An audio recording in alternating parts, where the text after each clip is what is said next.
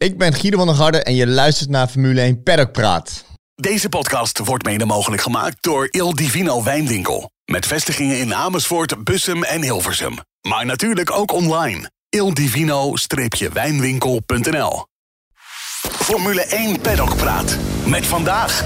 Coureur en Viaplay-analyst Guido van der Garde. Onze chefredactie Frank Woestenburg. Ik ben Bas Holtkamp. Welkom.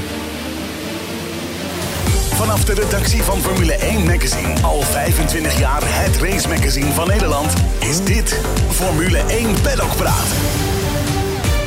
Nou heren, leuk uh, dat jullie zijn. Goedemorgen. Uh, we zouden hier natuurlijk gaan zitten om uh, hele andere reden, om de Grand Prix van Emilia Romagna te gaan bespreken. Maar goed, we weten allemaal waarom die niet is doorgegaan. Het natuurlijk, ja, blijft vreselijk wat er allemaal gebeurd is. Ehm, Ferrari en Formule 1 hebben ieder besloten 1 miljoen euro te doneren aan de regio. Dus dat is natuurlijk een heel mooi teken, een heel mooi gebaar. Verder zagen we nog dat Nick de Vries vast kwam uh, te zitten. In. Heb jij nog gesproken toevallig, uh, Guido? Nee, ik heb niet gesproken. Nou ja, goed. Ik denk dat iedereen een beetje een lekker vrij weekend heeft gehad. Ik zelf ook natuurlijk. Dus dan denk je van laat die jongens maar even met rust. Uh, die hebben denk ik genoeg uh, te doen met hun eigen familie. En dat ze ook een keer lekker gewoon een relaxte tijd uh, hebben om, om met hun eigen familie leuke dingen te kunnen doen. Uh, maar ik heb natuurlijk wel gezien dat Nick de Vries vastgezeten heeft. Ik heb ook gezien dat Tsunoda gaan helpen in de stad. Ja, was mooi. ja, het is natuurlijk fantastisch mooi gebaar. En ook van Ferrari, weet je, dat is toch wel 1 miljoen doneren. Dat vind ik wel ehm, ja, toch wel heel bijzonder. Ja, absoluut. Hey, hoe was het voor jou om een weekend uh, thuis te zijn? ja, ook als je je voorstellen? uh, voor mij was het wel anders, ja. Ik moet zeggen, uh, ik, ik was zondagavond helemaal gesloopt. Want ik ben de ochtend vroeg eruit gegaan met die kleine te gaan kotten in de ochtend. Uh, had een vriendje die was blijven overslapen. Dus we zijn de hele ochtend een beetje kotten. Toen moesten we naar voetballes bij AFC. En toen in de middag is mijn moeder gekomen, gaan barbecuen, leuke middag gehad. Maar om tien druk, uur druk, druk. van, uh, oh jongens, ik ben helemaal gesloopt. Dus op tien uur lag ik al uh, met ogen dicht. Hey, en die kleine, wordt dat een voetballer of een coureur? Ja, ik denk een coureur. Ah, toch wel. Oeh, ik ben laatst Je hebt dus die voetballen? Ja, nou, ik kan best wel oké okay voetballen. Um, gisteren heeft hij uh, één, één duel gewonnen, dus dat was wel netjes. Maar de laatste keer voor het eerste keer met hem uh, gaan karten. Uh, ik zag het op je socials, ja, leuk bij Van de Ende toch? Van de Ende, ja. en ja, ik moet zeggen, dat ging best wel goed al. Oké, okay, oké. Okay. Maar door het wegvallen van deze Grand Prix missen we ook de nieuwe opzet van de kwalificatie. Ehm, zijn ze niet te veel aan het testen dit jaar? Nou ja, ik denk dat de Formule 1 aan het zoeken is van, uh, om het nog spannender te maken. En ik vind de opzet die ze natuurlijk voor Imola hadden wel heel erg interessant. Hè? Dat je toch gewoon kwalificatie 1 op hard moet rijden, kwalificatie 2 op medium, kwalificatie 3 op zacht. Uh, hè, voor sommige teams zal dat uh, goed zijn, voor sommige teams zal dat minder zijn. Ja. Uh, ik keek daar heel erg naar uit, maar goed, helaas hebben we natuurlijk geen Grand Prix gezien. en ik hoop dat hij wel echt terug op de kalender komt. En ik hoop ook dat ze dit experimenteel gewoon wel terug laten komen. Want ik vind het wel een, een goed iets dat ze toch wel dingen gaan proberen. Enige idee wanneer ze deze opnieuw zouden kunnen testen? Ja, augustus, september. Daar, daar, daar zal nog een klein plekje zijn. Misschien eind juli. Ja. Uh, daar zijn nog één weekend hebben. Maar Je dan telefoon moet, gaat. Uh. Dan moet, oh, sorry. Ik heb, jongens, ik, ik heb hem zelfs op zacht gezet. Excuses. maar uh, ja, ik, ik, ja, hij, moet, hij moet ergens terugkomen. Ja. ja. En ook de opzet van deze nieuwe kwalificatie. Gaan we deze dan terugzien dit jaar bij een andere race? Ja, zeker. Ik denk wel dat ze dit toch wel uh, nog een keer willen gaan proberen. Ja. Uh, en ik denk ook dat het zeker zal slagen. Want uh, voor de teams, je zal toch ook met de setup wat dingen aan moeten veranderen. je moet misschien de, de breakplanking, hè, de, de, de, de remmen waar je, wat je af kan zetten, dat Ja. je die iets hoger, warmer zet. Dat je daar wat meer temperatuur in de banden krijgt. Vooral op die harde compound. Dus ja, ik, ik hoop snel dat we dit ehm, weer terug gaan zien. Ja. Nog even over afgelopen weekend trouwens. Uh, ik ben wezen varen, maar dat is zijde. Ja, Maar, lekker, eh, lekker Frank, lekker joh. Ja, ja. maar Rinus van Kalmthout, eh, die is gaan, eh, gaan rijden. Hè? Kwalificatie in die 500, tweede plek. Ja, super Toch mooi, hè? Ja, Op een duizendste. Ja, ja, ja, heel close. ja. Ja, leuk om even te noemen. Absoluut. Ja. Ik, ik, heb, ik, ken- ik ken Rinus goed. Ik heb natuurlijk Daytona twee jaar geleden met hem gereden. Ah, ja. Eh, ik moet zeggen, het is echt een racer. Hij heeft dit jaar natuurlijk een moeilijk seizoen achter de rug. Een beetje up en down. En het komt niet echt ver naar voren.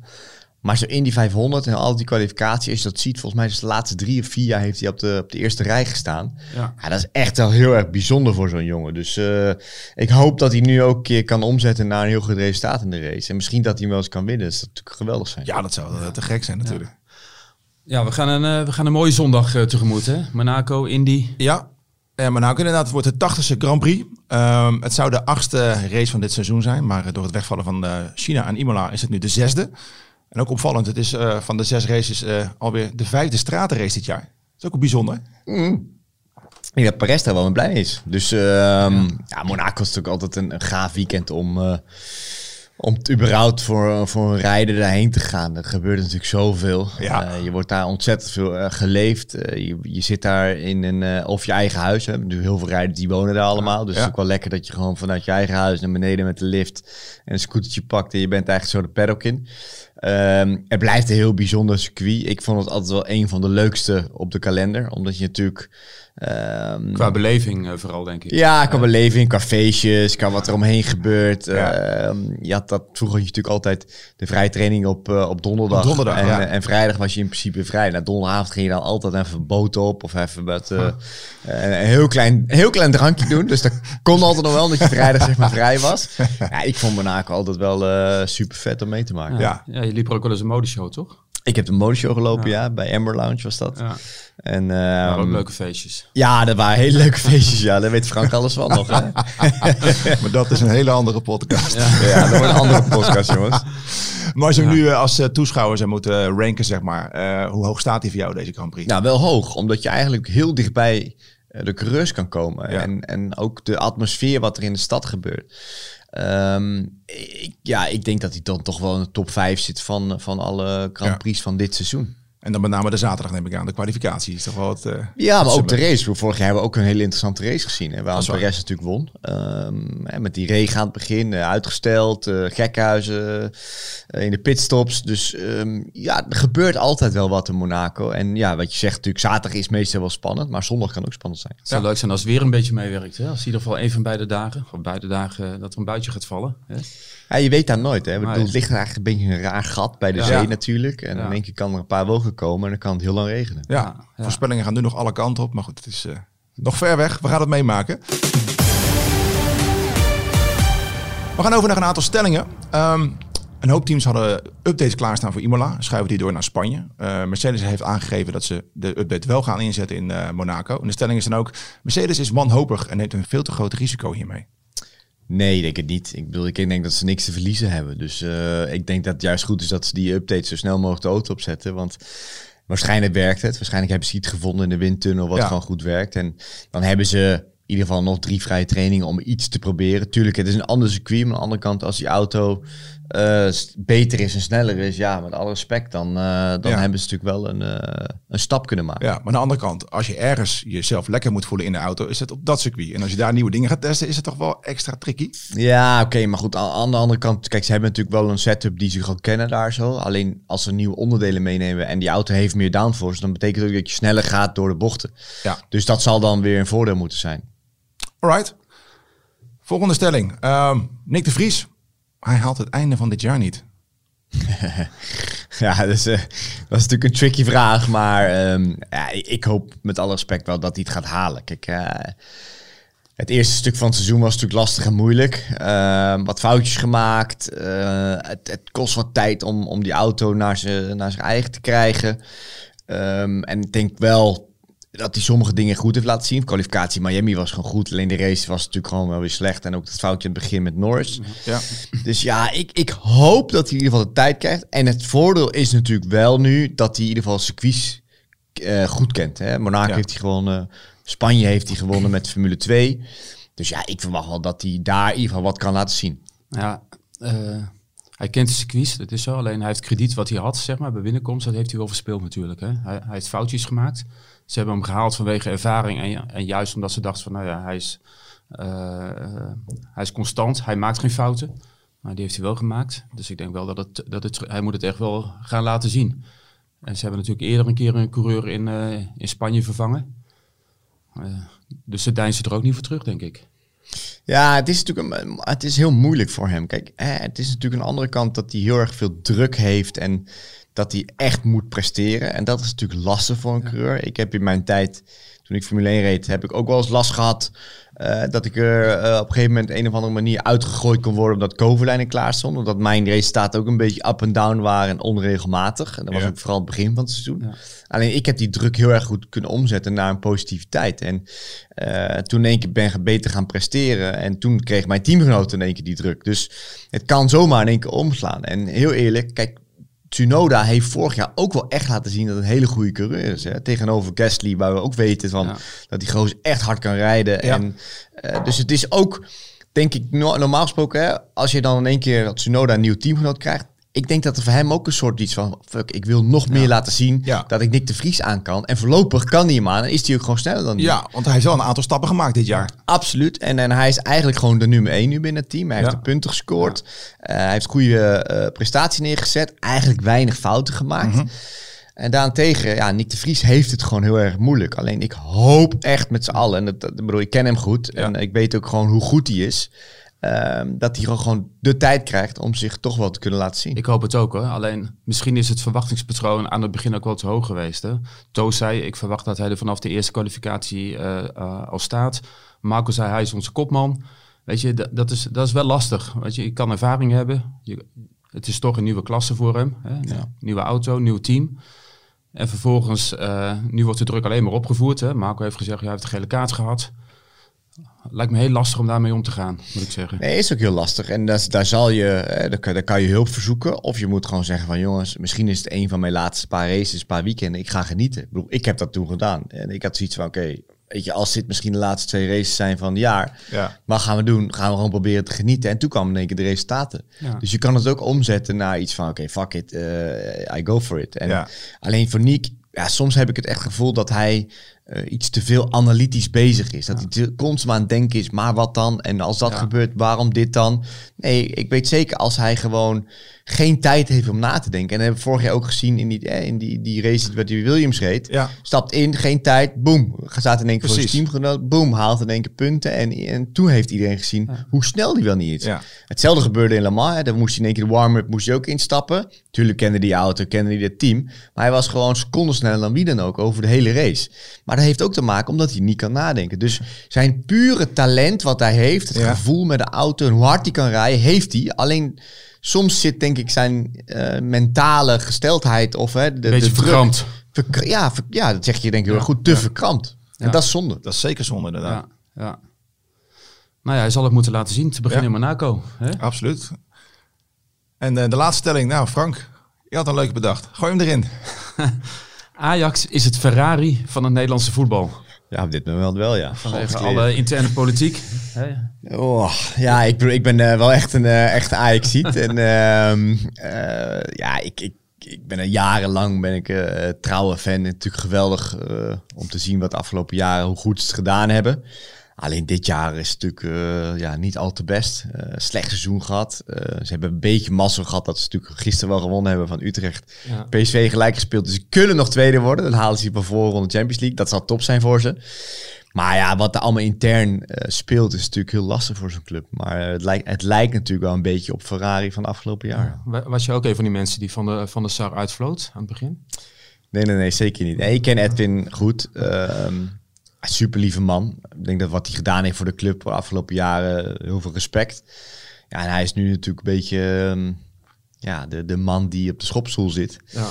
En dat is zonde, want eh, iedereen kijkt natuurlijk naar hem wat hij, de- wat hij dit jaar neer heeft gezet eh, zonder Overmars. En toen kan je eigenlijk wel zien dat Overmars wel een heel erg belangrijk eh, persoon was binnen de club. Ik zeg terughalen, die overmars. Ja, dat zeiden wij net allebei al. Ja. Ik zeg ook terughalen, maar goed, ik denk dat dat heel lastig wordt. Dat je natuurlijk met heel veel politieke redenen zit Ja. daar zo. Maar ja, hij was natuurlijk wel geweldig voor de club. En, ehm, en ik hoop dat Van der Sar het volhoudt, want het is een hele lieve man. Ehm, en ja, goed, we gaan het wel zien eh, dat eh, volgend jaar hoe dat eh, ervoor staat. Nou, terug van het gras naar het asfalt. Tien jaar geleden had jij een van jouw hoogtepunten in de Formule 1, denk ik. Monaco, vertel. Monaco, ja. Ja, dat was wel een, ehm, een bijzonder moment, ja. Want eh, ik, ik heb altijd heel erg naar mijn zin gehad in Monaco. Ja, Eh, niet alleen maar wat er rondom het circuit gebeurde, maar ook vooral op het circuit. Eh, het is een, een, een, een circuit waar, waar je als rijder echt iets extra's kan uithalen als, als de auto net niet even goed genoeg is. Ja. Ehm, als rijder zijn er dan, hè. En dat gebeurde ook tien jaar geleden. En dat was een heel bijzonder moment. De kwalificatie dat ik eigenlijk doorging naar Q2. Eh, ik besloot om, om op slicks te gaan heel vroeg. En net dat ene rondje pakte perfect goed uit. En toen kon ik doorstromen naar Q2. En in Q2 ging ik eigenlijk ook heel snel op slicks. En ehm ja, stond op een gegeven moment derde, vierde. Met Ja. een caterham die eigenlijk constant 2,5 seconden of 3 seconden lang Ja, ik wou net zeggen, voor de luisteraars die nog niet zo lang de sport volgen, het was echt een eh, shitbox volgens mij. Ja, het was echt een shitbox. Nou, Monaco ging niet nog wel oké, maar ehm, ja, je weet gewoon, als die andere gasten toch op slicks gaan, dan weet je gewoon, je bent gezien. Alleen, ja, volgens mij kwalificeerde 14 of 15 of zo. Ja, dus, ja. eh, dat was wel bijzonder voor die auto. Normaal gesproken stond je 18, 19. Ehm, ja, en, en eh, het was een mooi moment. En zelfs het grote teambaas was toen blij. Dus eh, toen kreeg ik in plaats van een gele kaart, eh, ging die, kon die weer doorgeknipt worden. Ja, ik, kan Ja, me die- dus- ik, ik kan me die, ik was er toen ook, ik kan me die euforie nog, nog wel goed herinneren bij het team, moet ik zeggen. En ook Ja. bij eh, hoe, eh, Tony Fernandes. Tony? Fernandes, ja. Een, eh, mooie, mooie kerel. Het was een leuk team, moet ik zeggen. Ja, het was, het was een, een leuk team, alleen de auto ging gewoon niet. En, eh, en ik heb wel veel lol gehad met die gasten. Er zaten een Ja. paar, paar goede engineers, een paar goede monteurs zaten er ook bij. Het was wel leuk om te zien nu. Die zijn allemaal naar Mercedes gegaan, naar Red Bull zijn ze gegaan. Ah, tof. Eh, een van mijn data-engineer is nu de engineer van eh, Leclerc. Ja. Eh, ik weet niet of die helemaal heel erg goed is, maar ehm, ja, dat is mooi om te zien dat zo'n jong team eh, in de achterhoede toch wel goede mensen weet aan te trekken en die vervolgens ook weer stap kunnen maken naar de grote teams. En ja, Monaco was voor mij toen heel gaaf. Alleen de race, eh, volgens mij in bocht 8 eh, ging ik over Maldonado heen. Dus Ja. toen was mijn goede Sloes. plek alweer. eh, kennen we ook weer nog wel. verloren, Ja. ja. Zonde, zonde. Ja, We spraken van de week eh, Michael, eh, Michel, of hoe je het ook wil, Blekenmolen. Mi- Michiel, Michael, Michel. Die gaf aan van, eh, dat hij eh, de kwalificatie eigenlijk wel leuker vond dan de race. Als hij daar race. Ben je het met hem eens? Nou ja, als rijder zijn, dan kan je natuurlijk daar een rondje uit persen. Wat, wat, eh, wat je normaal circuits eigenlijk net niet kan doen. Want je moet daar de limiet op zoeken. En eigenlijk moet je terugkomen zonder Pirelli meer op de banden te zien. Dan Ja. heb je het goed gedaan. En je moet hem natuurlijk niet in de muur hangen. Maar om daar echt de limiet te rijden, moet je bijna elke bocht gewoon bijna wel tegen de vangrail aan zitten. En dat maakt u- het, eh, Monaco uniek. Ja. En vooral zo'n kwalificatierondje. En dan moet je eentje uitpersen. Ja, wat je normaal gesproken eh, op een ander weer niet kan doen. Ja, en dat maakt het uniek. En, en tuurlijk, eh, zo'n kwalificatierondje eh, is, is voor een rijder geweldig. Alleen voor de race, ja, als je eenmaal vastzit achter iemand anders en je komt er niet voorbij, dat is natuurlijk zonde. Dat is zonde. Alleen met weeromstandigheden kan er natuurlijk wel genoeg eh, dingen Ja. gebeuren. Maar inderdaad, eh, terugkomen de pits in zonder eh, het eh, logo van de bandenfabrikant op de zijkant. Nou, dat gaf Blekemolen ook aan. Hij zegt, je, je moet eigenlijk mikken op de vangrail en dan heel zachtjes aanraken. Dan heb je het perfecte eruit gehaald. Ja, dan heb je het goed gedaan. En vooral ook nu hè, die, die snelle bochten bij, de, bij het zwembad. Eh, dat was toen net, net vol gas. Nee, nu zijn ze echt gewoon ja. makkelijk vol gas. Ja. Hij ziet hoe hard ze daar overheen gaan. Jongen. Dat, dat kan je zelfs, als je daar in de auto zit, denk je van, nou, dat is wel snel.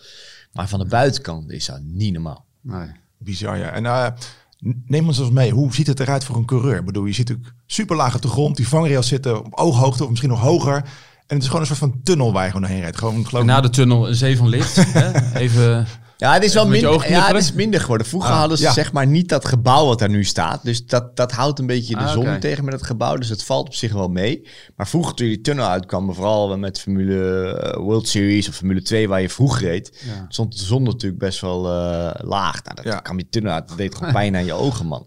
En dan moest je even zoeken waar de rempunt was. Maar je hebt eigenlijk weinig tijd.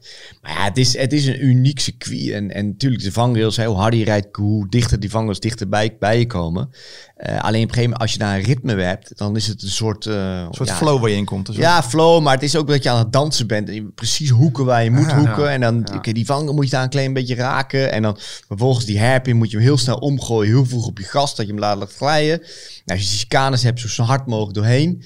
Eh, de bocht uh, er bovenaan, als je zeg maar bij de, bij de Café de Paris bent. Ja. Nou, zo hard mogelijk doorheen. Alleen ook niet te hard, want de volgende is weer naar rechts. Precies. Dus het is echt te maken van waar positioneer je je auto en hoe Ja. positioneer je hem om zo snel mogelijk die bocht uit te komen. En dat maakt het circuit uniek. ja, eh, zie- je veel van wat er naast de baan is? Niks. Nee. Ja, ik, ja. Eh, Tenminste, het is een onrustige omgeving, zeg maar. Hè. Normaal heb je bij een circuit, dan heb je, eh, weet ik veel, de uitloopstroken of eh, tribunes. Maar bij Monaco heb je iedere keer weer wat anders, hè? ja, maar ja, ja, goed. Kijk, ik denk dat je. 100% Niet dat je daar ook voor hebt, hoor, maar, maar wel dat, dat het... Het is een druk beeld, zeg maar. Ja, maar ook, ook dat is weer de ervaring. Als je nou de eerste keer komt, denk je van... Wow, wat, wat, is dit allemaal Ja, met al die gebouwen en al die Ja. mensen en al die boten en alles eromheen. Maar goed, op een gegeven moment weet je niet beter en focus je gewoon op het circuit. En je hebt eigenlijk heel weinig tijd om je, om je heen te kijken. Want normaal gesproken, als je Spa-Francorchamps bent en je hebt recht stuk, dan kan je wel even links kijken, ja. kijk je naar rechts kijken. Oh, er zitten best wel veel fans. Maar Monaco, no way. Je kan niet even kijken op een boot van, oh, er zitten zoveel mensen op een boot. Daar heb je geen tijd voor. Dat is de je- volgende bocht al. Ja. ja, je hebt, je hebt, je, het gaat zo hard en zo snel. En eh, je moet echt, eh, qua, qua focus en qua concentratie was dat wel een van de zwaarste races. Ja, ongeluk zit in een klein hoekje in Monaco. Vorig jaar eh, Perez. Ja. Hoe kijk jij terug op zijn eh, ongelukje daar? Want Er staat natuurlijk een hele nasleep eh, aan vast. ja, wat voor ongelukken bedoel je? Is dat na de race of voor de race? Of tijdens de race? Nee, nou, in de kwalificatie Oh. eigenlijk. Ja. Ehm, Dat Max aangaf van, nou ja, dat ja, is een dat, bewuste actie. ja, het is een bewuste actie geweest. En uit, achteraf heeft hij natuurlijk ook gezegd hè, dat, het, fout, dat hij gewoon die fout expres maakte om in ieder geval voor Max te staan. Ehm, ja, goed, uiteindelijk is er natuurlijk payback geweest, einde van het jaar in Brazilië. Brazilië. Ja. Ik vond het wel weer stoer. Eh, heel veel mensen begrepen dat niet. Ehm, en vooral ook niet Mexicanen, die begrepen dat niet. Maar goed, die begrijpen het nog steeds niet. Die begrijpen, nou, ik denk dat ze nu wel begrijpen, omdat natuurlijk Ja, best wel mensen... maar de fans niet. Nee, dat de mensen daar op een gegeven moment ook wel op internet rondgingen van dit soort payback hè, vanuit Monaco. Ehm, ja, het was een vies spelletje wat, wat Perez speelde. Alleen eh, het, het had niet zo hoeven zijn, want eh, hij, ging, hij elimineerde zich- zichzelf natuurlijk. Eh, hij nam eh Sainz mee in de kwalificatie, die erop vloog. En Ja. uiteindelijk Ja. pakte Leclerc pole position. Ja. Maar, Dus- maar payback time in Brazilië, is er dan over? Is er dan over of blijft dat toch wel door? Nee, dat is doorwerken? over. Nee, dat is nu, dat is nu klaar. En ik denk dat natuurlijk het gevecht is gaande tussen die twee. Eh, we weten met z'n allen dat Perez eh, echt wel goed is in Monaco. Dat zag je vorig jaar natuurlijk ook. Maar dat Ma- Ma- Max nu wel iets heeft van jongens, eh, ik wil ook even laten zien hoe goed ik ben in Monaco. En wat ik hier kan doen eh, ehm, in de stad waar ik woon. Dus ja, ik, ik verwacht wel een mooie strijd tussen die twee. Ze zullen absoluut gaan vechten samen met, met een Hoe is die, hoe is die verstandhouding tussen die twee volgens jou? Oh, wel goed. Tuurlijk, het gevecht is gaande en, en het is allemaal wel... ehm, intern is het op zich ja, allemaal wel, wel goed, wel prima. Ik denk Ja. dat de afgelopen race wel Max heeft laten zien dat hij wel gewoon de nummer 1 is. Maar ze komen niet bij elkaar op de verjaardag. Nee, maar ja, goed, daar kwam ik bij Charles Peak ook niet. En eh, ja, uiteindelijk weet je, je bent natuurlijk wel elkaars eh, grootste concurrent. hè. je hebt elkaar Ja. de- dezelfde spullen, dezelfde materialen. Eh, ze vechten allebei voor, voor de kampioenschap. Maar goed, we weten Ja, zelf... Vecht Perez voor het kampioenschap, denk ik. Nou ja, dat, dat denkt hij. dat denkt hij. ja. Ja, we moeten wel realistisch blijven. Maar zolang hij Max Stappen naast zich heeft, zal hij nooit kampioen worden. Ja, of er moet, weet ik veel, Max moet heel veel technische problemen gaan krijgen. Ja. Ja, maar dat, dat zullen ze binnen het team toch ook wel tegen hem gezegd hebben.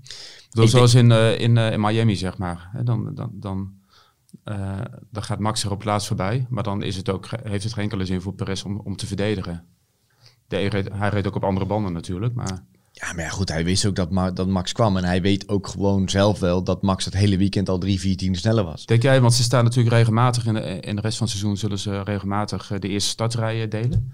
Denk je dat er nog een keer wat gaat gebeuren in de eerste bocht? Nee, ik denk wel dat er respect is onderling. En ik snap wel dat ze gewoon eh, netjes moeten gedragen.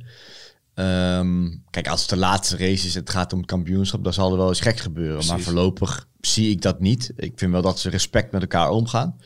Ehm, ik denk dat Max ook weet wat, wat Perez' sterke kant is. En dat zijn ze vooral straatcircuits. Maar zo snel eigenlijk weer naar normale circuits toe gaan. Tuurlijk, en Miami was ook een beetje een halve semi-straatcircuit. Maar er zat natuurlijk een hele snelle sectie in. Ja. Ja, daar zag je gewoon Max accelereren tegenover Perez. Dus zolang er straks gewoon weer lekker normale circuits komen, dan krijgt Perez gewoon 3, 4, 5, 10 aan zijn broek. Ja. Eh, ik luister ook wel eens eh, naar een andere podcast, DRS, de Race Show. Ja, Hè, van jou met eh, Joost Hofman. ja zeker ja. Ik hoorde je laatst ook iets vertellen en dat ging ook over jouw verstandhouding met, met teamgenoten in jouw eigen carrière. En je hebt wel eens een teamgenoot op, je, eh, op zijn bek geslagen. ja. ja. Kan je daar wat meer over vertellen? Ja, dat, dat was, ik was nog jong, hè, jongens. Ik was toen denk ik ehm 18, 19 of zo. En ik had eh, eh, drie teamgenoten. Dat was onder andere in de Formule 3. Ehm, Dat was eh Kamui Kobayashi, Sebastian Vettel en ehm, Paul Di Resta. En we hadden een race in Nürburgring. Ik lag op kop. In de laatste ronde eh beutte hij me vol eraf. eh Di Resta dan in, Ja. eh, in chicane. Ah, ik was zo lijn, want ik had die race gewoon moeten winnen. Ik was gewoon de snelste en ik lag gewoon een paar meter op kop. En hij remde veel te laat, blokkeerde, boem, van mij achterin. Hij kon door, won die race en, en ik werd vierde. Omdat ik nog wel eh, terugkwam uit grind. Ja. Maar ja, eh, ik stond hier op het podium en ik had de race moeten winnen. Dus ik ben vervolgens naar hem toe gelopen. Hij stond daar net met zijn helm af. En paf, heb ik hem even een tikje gegeven. Eh, ik ben toen natuurlijk wel gelijk naar boven moeten gekomen om eh, uit te leggen hoe, wat en waarom. En hij is uiteindelijk eh, bestraft en heeft die overwinning weg moeten geven. En toen eh, stond ik alsnog eh, derde op het podium. Oké, dus, Dus dat tikje eh, heeft ergens links en rechts wel geholpen. Maar om terug te komen, eh, ja, dat gebeurt. En ik, ik zou dat nu niet heel snel meer doen, want het heeft ook geen zin, want iedereen ziet het. Ja. Eh, toen kon het nog wel net, eh, omdat Ja. er niet echt veel camera's op stonden en het was net buiten beeld gelukkig. Maar ehm, ja, ik denk dat het voor elke rijder wel eens wat, wat dingen mee hebben gemaakt. Dat ze gewoon zichzelf niet helemaal meer in de hand hebben om te weten wat ze doen. Ja. Hoe, hoe, is het binnen een team, tenminste, in het jaar dat jij Formule 1 reed, hè, was jouw piek, was, jouw eh, was jouw teamgenoot. Is het dan moeilijk om altijd die balans te bewaren? Aan de ene kant concurrent, aan de andere kant moet je het samen doen. Eh, die spanning, hoe is dat tussen, tussen teamgenoten in de Formule 1? Ehm, ja, wel goed. Want ik kende Charles Piek natuurlijk al goed. Hè. Hij was mijn teamgenoot in de Formule 2 eh, in 2011. En toen hij is hij vervolgens naar de Formule 1 gegaan en een jaar erop ik naar de Formule 1. Maar ehm, op zich, hij was wel echt een, eh, een prima jongen en, en eh, kon er wel goed mee werken. Alleen hij had compleet andere filosofie dan ik had. Ehm, puur alleen maar qua setup, qua rijden en noem het allemaal op. Dus het team volgde hem heel erg het begin van het seizoen met, met de setup welke kant hij op ging. En ik moest zeg maar maar volgen omdat ik zeg maar niet de ervaring had in de Formule 1. Ja. En na vijf, zes races zei ik, zei, jongens, kom op, dit, dit, ik kan niet met die auto rijden. Dit schiet niet op. Dat ding is veel te veel overstuurd en eh, ik kan niet insturen. En, en die achterkant komt al. En dat vond hij heel erg fijn. Dus ik heb gezegd, wel luister, of we gaan, eh, jullie volgen mij nu, of eh, we moeten gewoon iets anders bedenken voor die auto. Ja, dan dit en dat. Luister, laten we gewoon samen zitten. We hebben een testdag binnenkort. Dat was toen Silverstone. Laten we dat dan dat gaan proberen. En vervolgens eh, is die auto steeds beter en beter geworden. Omdat die rustiger is geworden. Die voorkant was rustiger. Het was een klein beetje onderstuur, maar was gewoon wel stabiel aan de achterkant. Dat gaf veel meer vertrouwen. En ik ging veel harder en harder en harder. En vervolgens, einde van het jaar, drie keer raden, Charles reed met mijn setup. Ja. Dus ja, weet je, soms is het ook gewoon een beetje zoeken wat je wil, wat je, wat je fijn vindt als rijder. Je moet je ook doorduwen, want soms hè, spelen natuurlijk heel veel politieke kwesties in zo'n team, hoe sommige dingen gaan. En tuurlijk, Charles Piek was een, een goede rijder, was echt heel snel in de kwalificatie. In de race kon hij ook snel zijn. Alleen, ik had hem wel de tweede helft van het seizoen in de pocket. Ja, maar zo zie je maar dat je als nieuwkomer eigenlijk altijd met een achterstand begint. Hè? Wa- Wat Nick dus in feite bij eh Alfa Tauri Ja, heeft. en, en dat is moeilijk, want je moet ook gewoon je eigen eh, mensen snappen. De mensen met wie je samenwerkt. Je engineer, je data-engineer, je banden-engineer, je, je, je motor-engineer. Er is natuurlijk heel veel mensen die je in één keer wel moet begrijpen van wat, eh, wat jij nodig hebt en wat je wil zien van hun. Ja.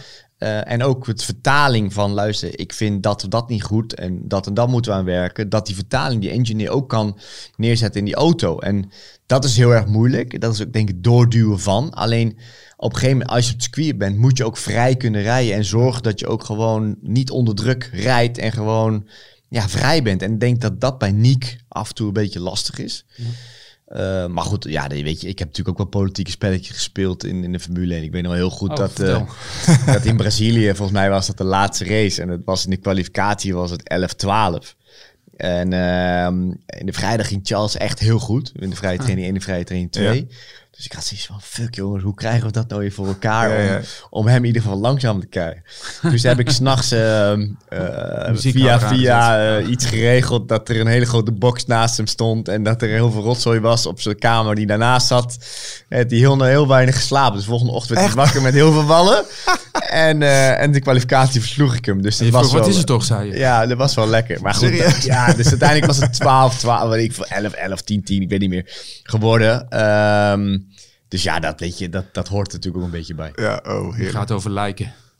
Ja, de Formule 1 wel, ja. Maar goed, je moet wel met elkaar normaal door een deur kunnen. En eh, uiteindelijk moet je ook gewoon, eh, je hebt natuurlijk met, met sponsoractiviteiten dingen te doen. En, Ja, er is meer dan alleen op de baan natuurlijk. ja, dus je moet wel gewoon een normale relatie hebben. Ja, ja, oké. Nou, we hebben nog een aantal eh, le- vragen binnengekregen voor je. Ehm, De eerste vraag is van Michiel Schipper. En die vraagt, eh, iedereen rijdt in Monaco met maximale downforce en je hebt er vrijwel nooit een vrije ronde. Wat kun je doen als coureur om je te onderscheiden qua setup? Aangezien daar veel meer uit de coureur moet komen dan op andere circuits. Ja, setup-wise kan je best wel veel dingen doen. Het is natuurlijk een circuit wat, wat niet normaal is. Hè. Je hebt heel veel evaluatie van hoog naar beneden. Ja. Eh, in bocht 6 zit er zelfs een gat waar je echt je wiel zeg maar een meter de lucht in komt die niet eh, het circuit raakt. Eh, dus normaal gesproken rij je daar wel wat, wat zachtere setup om makkelijk over de curbs omheen te gaan. Een auto die makkelijk draait in het midden van de bocht. Dus je verandert heel veel dingen aan het differentieel, zeg maar. aan je setup die gewoon zachter is. Qua rol, maar ook qua vering. Ehm, je zit heel veel met je engine braking ehm, ben je bezig. Dus je, je kan als rijder en als, als setup-wise kan je daar heel veel dingen doen. En eh, je moet een auto hebben die gewoon heel snel reageert voor. En eigenlijk heel snel instuurt. Als je dat hebt, dan ben je Dan gewoon je- heel snel in Monaco. Nou, thanks. Nog een vraag van eh, Nico van der Hoorn. Eh weten jullie waarom het gewicht van de coureur na afloop van de race op een ouderwets notitieblokje wordt geschreven? ja, Alles is digitaal. Waarom? Ja, oh, ja, ik denk dat, dat die gozer eh, niet met een iPad om weg kan of zo. ik, ik, ik, Zou het zo- ja, zo want, zijn? ja, want als je ziet... Die, Moet even in gaan duiken. ja, want die man die dat doet, die doet het dan al jaren. Ik ben zijn Ja. naam even kwijt. Maar eh, ja, weet je, die, die, die, die stond er al van de jaren, eind de jaren 80 stond hij er al met zijn notitieboekje. En ja, die schrijft het nog steeds op. En vervolgens neemt hij dat mee en vult hij het waarschijnlijk in de computer in of zo. Maar ja, misschien is het wel handig om hem eh, even een iPadje te Ja. geven of zo. Lijkt me makkelijker. Oké, hele simpele verklaring dus. Eh, Matthijs via Twitter vraagt: eh, Verwacht je dat de Formule 1-auto van de toekomst weer simpeler wordt? Dus bijvoorbeeld met een V10 of een V8 op fo- fossielvrije synthetische brandstoffen en met een lichtere auto. Nou, dat denk ik niet. Ik denk dat ze aangegeven hebben natuurlijk eh, welke kant het Formule 1 nu een beetje op wil. Ehm, ja, iets meer elektrisch. Eh, benzine gaan ze natuurlijk heel erg aanpassen. Ehm, ja, ik, ik, ik, ik verwacht dat zelf niet. Ik denk niet dat ze die kant op gaan. Ehm, maar goed, het zal natuurlijk wel vet zijn als ze weer naar zo'n V8 of V10 eh, gaan. Ja. want het geluid was natuurlijk wel geweldig. In de verre toekomst zal Formule E en Formule 1 natuurlijk helemaal naar elkaar toe groeien. Ik denk het wel. Ja. Eh, ik denk niet dat, dat we volledig elektrische Formule 1 auto's gaan zien. Dat, dat, gaan, we- dat, dat gaat nooit. Ik bedoel, dat kan ook niet, want die zullen gewoon veel te langzaam zijn. Ja. Als je nu de Formule I ook ziet, hè, dat is puur alleen maar straatcircuits. En dat is leuk en aardig dat je het ziet. Maar ik heb één keer zo'n ding getest. Ja, nooit meer van mijn leven. Vertel, wat is er zo? eh, Ja, ik vind het helemaal niks. joh. Die auto is lomp, zwaar. Het is een hele grote En uh, stofzuigers zijn het. Het is- heeft geen geluid. Het Ja. gaat denk ik net zo hard als een Formule Renault. Eh 2.0, ja, dat, het is echt niks. Nee, nee ik, ik, ik zal het niet heel snel zeggen, maar ik vond het... Ah, goed, er zit, wel een, er- daar zit wel een ontwikkeling in natuurlijk. Dus gaandeweg zal het wel Zeker, en ik was een Ja. van de... Ik was zeg maar na jaar één heb ik zo'n ding getest. En. Toen stonden ze echt in de startblokken. Eh toen kon je ook maar drie kwartier rijden. En eh, toen Wissel moest je om. het ding Ja, weer... eh, dat was ook echt. ja, dan moest je het ding weer opladen of moest je door naar een andere auto. Ja, dat was echt wel eh hanky-panky. Maar goed, nu eh, gaan die dingen wel echt, echt eh, als je vol aanzet. Ik hoorde dat laatst Vrijns. Dat ding naar 0, naar 100 en, en naar 200 is echt heel rap. Maar ja, hij ziet er wel een beetje apart uit. Eh, maar goed, Ja. voor een straatcircuit is het leuk om te doen. Precies. Ja. En de laatste vraag komt binnen van Softy Beerman op eh, Instagram. En zijn vraag is... Softie Beerman. Ja, Moet ik me daar ik ben bij verder maar niet gaan klikken op het. Wie is je favoriete Formule 1-rijder in het heden en van het verleden? Eh, verleden was toch wel, denk ik, ehm, Senna en Schumacher. Ja, Ik was toen een jaartje of eh, was het 7, 8, 9 toen Senna kwam. Eh, vervolgens, eh, nou goed, zijn tragische dood natuurlijk ook in, eh, in, in, in Imola. En ja, toen keek je toch wel, bleef je wel Formule 1 kijken. En toen kwam Schumacher natuurlijk, eh, was Ja. echt de opkoming. Eh, nog een paar keer ontmoet, omdat ik goede vriend is van, eh, van, of was van eh, eh, Jos Stappen. Ehm, bijzondere vent, Michael. Daar kon je echt mee lachen. Super goede humor. eh, mega goede rijder. Maar nu in het heden, ja, Max Stappen. Ik, bedoel, ik, ken, ik ken hem natuurlijk al vanaf uh, jongs af Eh, ja. klein, klein jochie. eh, ik liep in zijn bed en eh, nu eh, gaat hij waarschijnlijk voor de derde keer wereldkampioen worden. Ja, deze jongen is zo ontzettend goed. Dat is niet normaal. Ik bedoel, het is, het, het is gewoon, ja, het is ongelooflijk wat wij hier meemaken nu in Nederland. En hoe, hoe goed hij wel niet is. En mensen denken van ja, hij heeft weer een race gewonnen, is toch makkelijk. En zoals afgelezen, afgelopen race ook in Miami. Het sloeg gewoon nergens op hoe makkelijk die naar voren reed. Hoe makkelijk die op die harde band. En, Perez eh, voorbij ging. En vervolgens ook gewoon die race naar zich toe trok. Ja. En eh, toen kon je wel zien dat het toch wel... eh, Maar daar, daarom is die strijd is ook eigenlijk geen strijd. Hè? Nee, dat denk ik ook niet. Alleen, ehm, ja, kijk, we moeten natuurlijk met de pers en, en eh, die, mensen, die mensen uit Mexico, die blazen natuurlijk allemaal een beetje op Ja. dat Perez een kans gaat maken. De enige kans dat hij heeft is dat als Max waarschijnlijk drie keer uitvalt, Ja. dan kan hij wereldkampioen worden. Ja. Ja. Komend weekend staat de Grand Prix van Monaco op het programma. Wat verwachten jullie van deze race?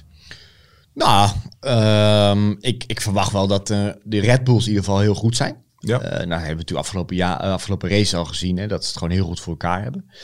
Alleen dat die kwalificatie wel eh, heel erg interessant kan, kan worden. Ehm, ik, ik, ja, Leclerc hebben we natuurlijk gezien dat hij echt een rondje eruit kan persen.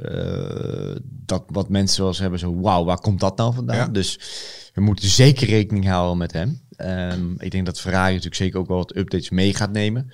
Dus die zullen de auto wel wat beter voor elkaar hebben. Ehm, en daarnaast, ja, ik, ik, ik hoop dat Mercedes erbij staat met hun nieuwe auto, een nieuw concept. En eh, we weten natuurlijk met z'n allen wel, als er een circuit is met veel waar je veel downforce nodig hebt, hè, eh, waar je echt weinig lange rechtstukken hebt, dat Mercedes altijd goed, eh, goed Ja. is. Dus ja, het zal maar zomaar een strijd kunnen zijn tussen Verstappen in de kwalificatie, Leclerc en, ehm, en Hamilton. En natuurlijk zullen we Perez ook zien, want het Ja. is wel een circuit wat hem heel erg ligt. Dus die vier, eh, die kunnen wel strijden voor de pole position. Het zou wat leuk zijn als er een keer een eh, nieuwe naam op het podium eindigt. Hè? Naast Verstappen, Perez en Alonso. Dat we in ieder geval een keer iemand anders zien. Nou, ja, we hebben Hamilton natuurlijk al een keer podium Oh, ja. gezien. Eh, maar het kan zomaar zijn, als ze het goed voor elkaar hebben, dat hij toch wel eens een keer op het podium kan komen staan. Ja. En eh, wat verwachten jullie van Alonso? Die heeft ook zijn ogen gericht op deze race. Nou, ja, Alonso heeft natuurlijk een goed begin van het seizoen gehad. Ze- er staan natuurlijk ook, eh, stonden in ieder geval afgelopen weekend ook wat, wat nieuwe updates aan te komen voor het team. Eh, ik denk dat ze echt een, een mega stap gemaakt hebben vergeleken met vorig jaar. Ja. Ehm, ze hebben natuurlijk heel veel goede mensen aangetrokken, hè, Aston Martin. Ja, wat hij nu, nu neerzet en hoe eh, goed hij nog steeds is op die leeftijd, is heel erg bijzonder. En ik denk dat hij ook, hè, als je ziet, hij, hij rijdt zonder druk, lekker vrij, relaxed. Hij heeft eh, oog en kijk nog steeds voor zijn teamgenoot tijdens de Ja. race. Ja, dat was mooi. en, en ik denk dat het ook heel erg geholpen heeft dat hij eh lange afstandraces heeft gereden. Want daar moet je in één keer met je teamgenoot samenwerken. Je moet daar een, een auto-setup zien te vinden waar iedereen happy mee is. En zorgen dat je al die drie teamgenoten, of twee teamgenoten die je hebt dan, eh, even snel zijn eh, en in de buurt van elkaar zitten. En, en dat denk ik helpt heel erg nu wat hij kan doen met het team, maar ook met Lance Stroll. En je ziet zo'n Stroll, die leeft in één keer op. Die is Ja. veel blijer, veel relaxer. Heeft het veel meer naar zijn zin. Ook bij Viaplay, je ziet de interviews die hij laatst gaf met, met Nelson. Dat was gewoon... Sowieso hebben wij Stroll nog nooit gezien. En dat is wel echt eh, Leuk leuk, te leuk, zien, ja. om te zien, ja.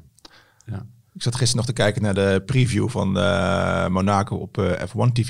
En de Ja, je hebt ook een vrij weekend natuurlijk. Ja, precies. Je moest iets anders doen. Hè? Maar dan gaan ze ook aan als je kijkt naar de snelheid van de teams in de langzame bochten. Dat daar vooral Ferrari en eh, Aston Martin aardig uitblinken. Dus dat kan inderdaad eh, interessant worden deze race.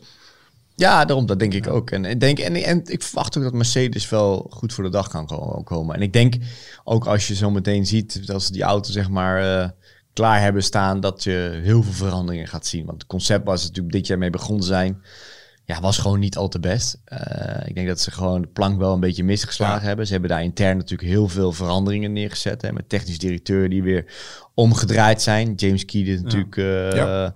echt, eh, echt weer terug aan het komen is. Ehm, dus ja, ik, ik, ik hoop wel dat, dat ze daar weer stappen gemaakt hebben. Zit je in de studio?